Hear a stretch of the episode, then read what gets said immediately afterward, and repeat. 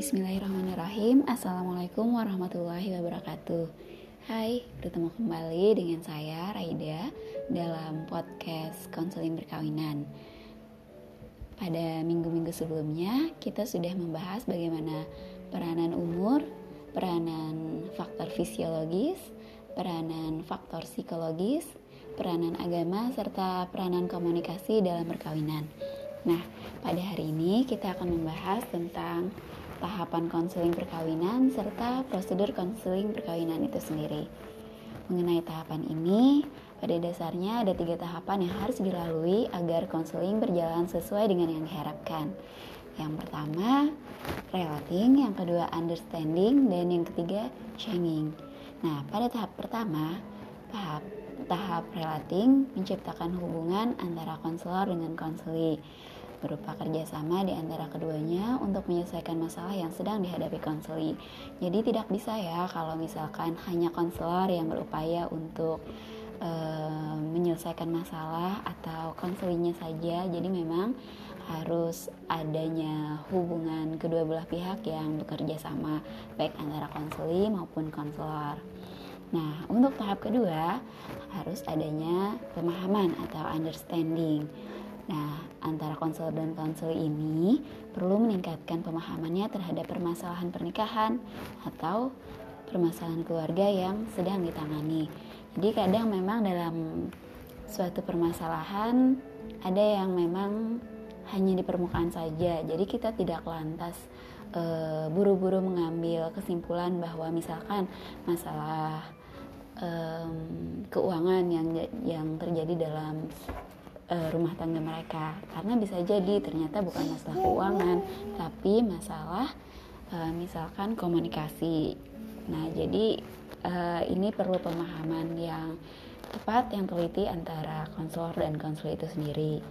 Kemudian yang ketiga uh, adanya perubahan atau changing jadi Perubahan ini diharapkan ada dalam diri konseli dalam mengatasi masalah yang sedang dihadapinya secara lebih efektif dibanding sebelumnya. Ingat ya, kita selaku konselor hanya memberikan kail. Uh, nanti yang memancing ikan itu adalah konseling itu sendiri. Dalam konseling juga ada yang namanya asas kemandirian.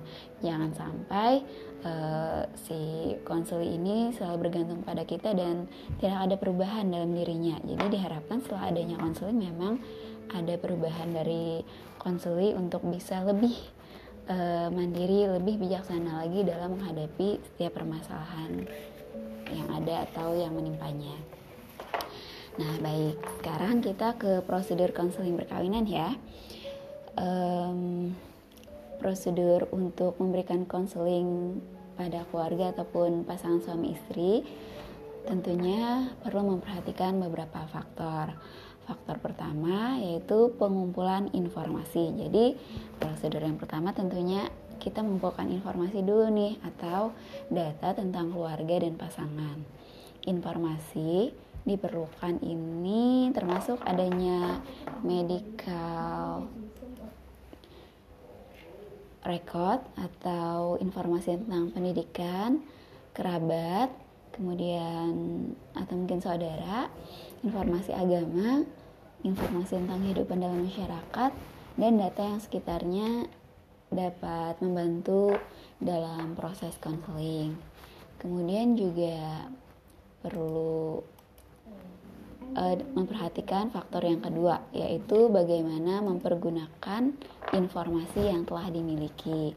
Nah, um, begitu semua data sudah diperoleh, langkah selanjutnya menurut Berg yang perlu dipersiapkan adalah beberapa pertanyaan terkait dengan data dan atau informasi tersebut tadi. Pertama mungkin gambaran seperti apa yang ada dalam keluarga tersebut. Kedua, apa yang menjadi kekuatan dari keluarga tersebut. Dan yang ketiga, apa yang menjadi masalah utama dari keluarga tersebut. Keempat, bagaimana mereka mengatasi masalah tersebut. Yang kelima, siapa orang yang memiliki pengaruh kuat dalam keluarga tersebut. Yang keenam, bagaimana keluarga tersebut mendapat pertolongan ketika ada masalah.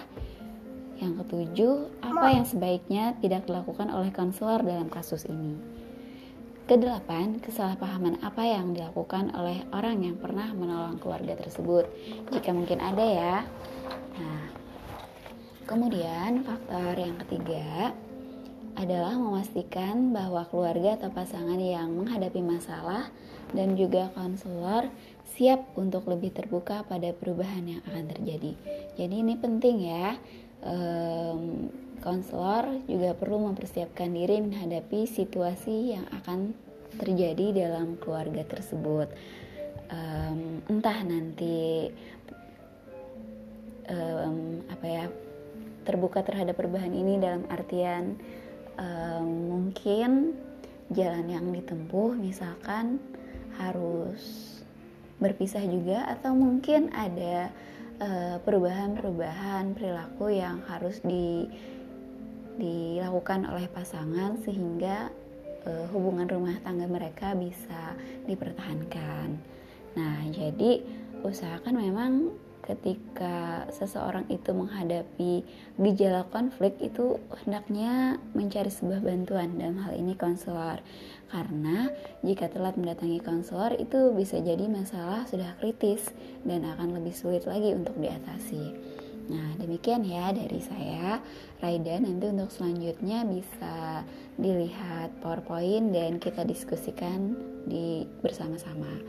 Saya mohon maaf. Wassalamualaikum warahmatullahi wabarakatuh.